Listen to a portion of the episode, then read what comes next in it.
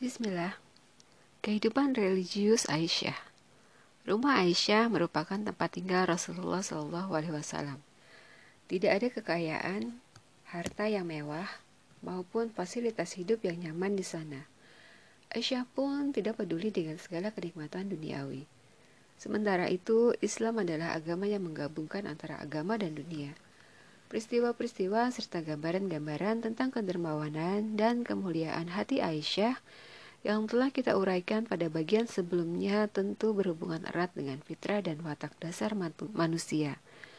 Pada bagian ini, kita akan melihat sisi lain dari kehidupan Aisyah. Dalam penuturan Aisyah, ketika Rasulullah Wasallam memasuki rumahnya, beliau sering berkata, "Jika manusia memiliki harta yang memenuhi dua lembah, maka ia akan mencari harta lain yang bisa memenuhi lembah ketiga." Mulut manusia hanya bisa disumpal dengan debu. Padahal harta itu hanya Allah berikan agar manusia melaksanakan sholat serta menunaikan zakat. Dan Allah akan mengampuni siapa pun yang bertobat. Hadis riwayat Bukhari, Muslim, Tirmizi, Ahmad, dan Darimi. Pernyataan di atas diucapkan oleh Rasulullah SAW setiap hari. Tujuannya tentu saja adalah untuk mengingatkan keluarga beliau tentang ketidakabadian segala hal yang bersifat duniawi serta untuk menghilangkan rasa cinta kepada harta dari hati mereka. Setelah melaksanakan sholat isya, Rasulullah SAW biasanya memasuki kamar, bersiwak lalu tidur. Pada tengah malam, beliau akan bangun dan melaksanakan sholat tahajud. Pada akhir malam, beliau membangunkan Aisyah Salat bersamanya, lalu melaksanakan sholat witir. Setelah fajar menyingsing, beliau melaksanakan sholat sunnah dua rakaat, lalu berbaring miring ke kanan. Dalam keadaan seperti itu, Rasulullah SAW berbincang-bincang dengan Aisyah hingga sholat subuh dimulai.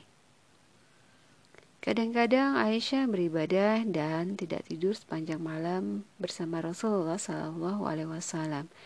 Ia mengisahkan, Aku pernah melaksanakan sholat semalam penuh bersama Rasulullah SAW.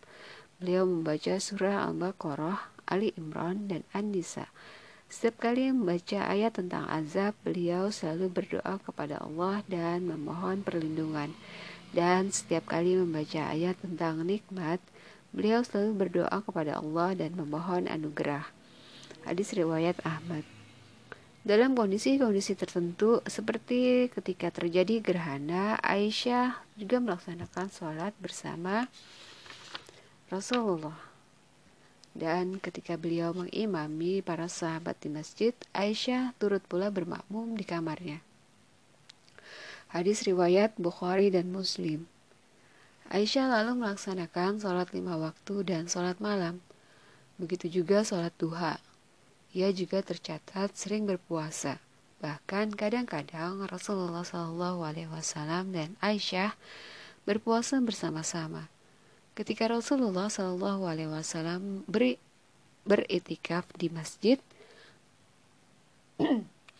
pada 10 hari terakhir bulan Ramadan, Aisyah sering ikut beri beritikaf bersama beliau. Saat itu ia mendirikan tenda di masjid. Dan setelah sholat subuh, Rasulullah Shallallahu Alaihi Wasallam biasa masuk ke dalam tenda itu. Hadis riwayat Bukhari.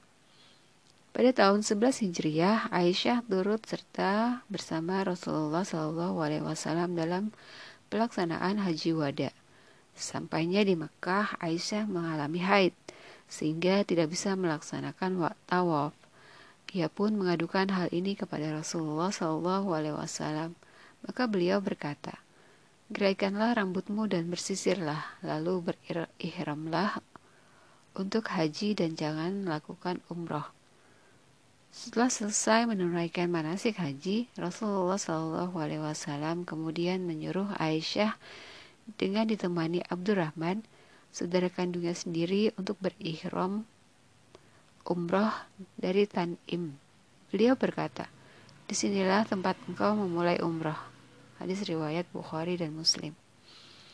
Tugas kenabian Rasulullah di dalam rumah. Inilah bagian terakhir pembahasan kehidupan keluarga rumah Rasulullah Wasallam.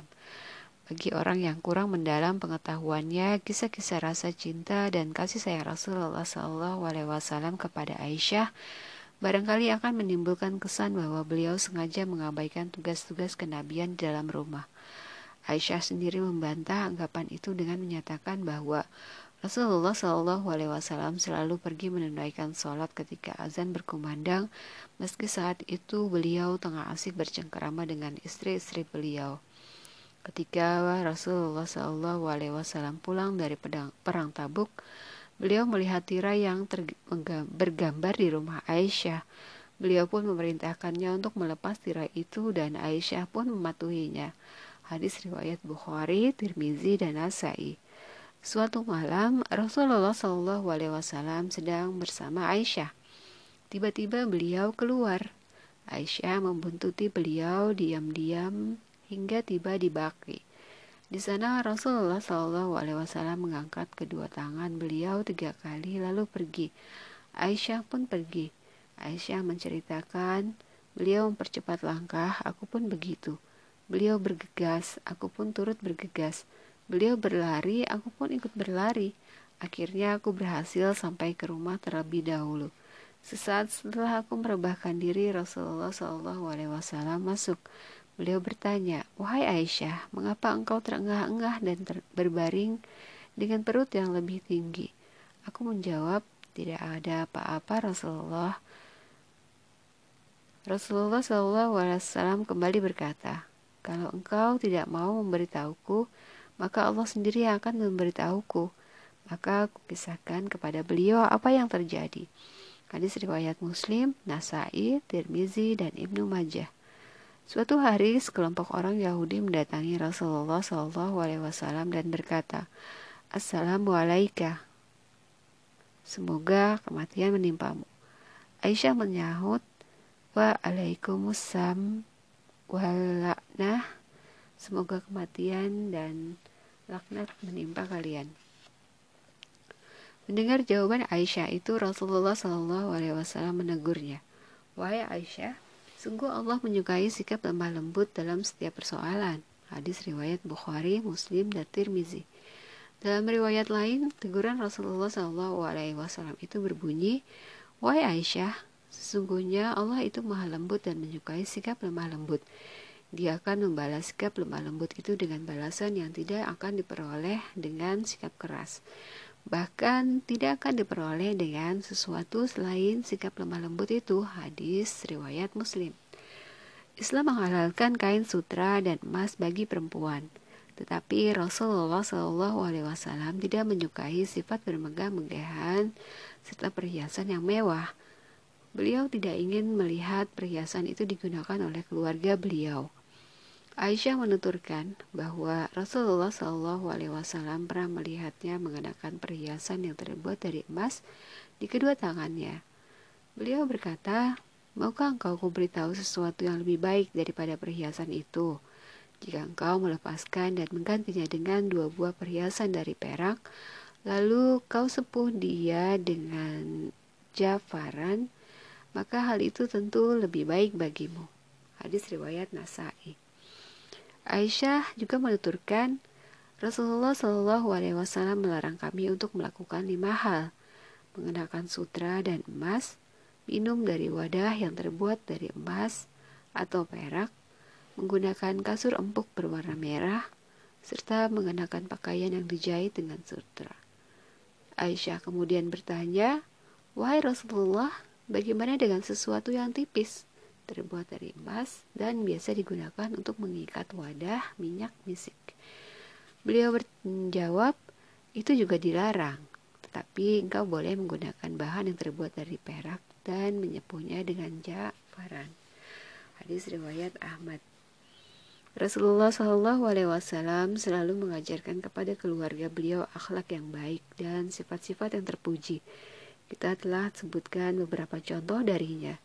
Perhatikanlah bagaimana pernyataan Rasulullah Shallallahu Alaihi Wasallam kepada Aisyah ketika seekor kambing memakan adonan roti yang dibuatnya. Aisyah menuturkan, malam itu adalah malam giliranku bersama Rasulullah Shallallahu Alaihi Wasallam.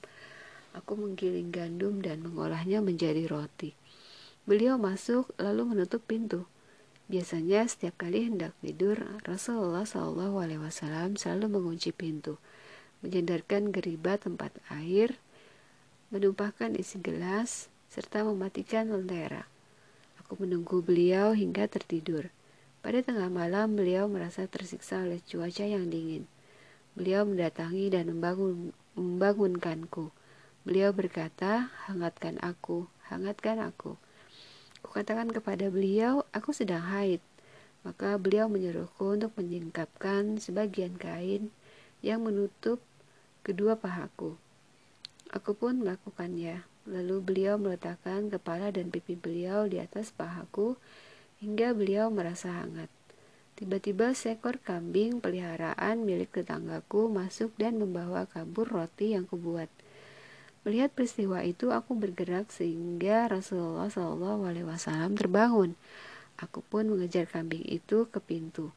Maka Rasulullah Wasallam berkata, ambillah apa yang dapat kau ambil dari rotimu dan jangan kau sakiti tetanggamu dalam persoalan kambingnya. Orang-orang Arab biasa memakan daging biawak, tetapi Rasulullah Wasallam tidak menyukainya. Suatu hari seseorang mengirimkan daging biawak kepada beliau dan beliau enggan memakannya. Aisyah bertanya, "Tidakkah daging ini kita berikan kepada orang-orang miskin?" Rasulullah menjawab, "Jangan kau beri mereka makan dengan sesuatu yang engkau sendiri tidak mau memakannya." Hadis riwayat Ahmad, Baihaqi, dan Tabrani.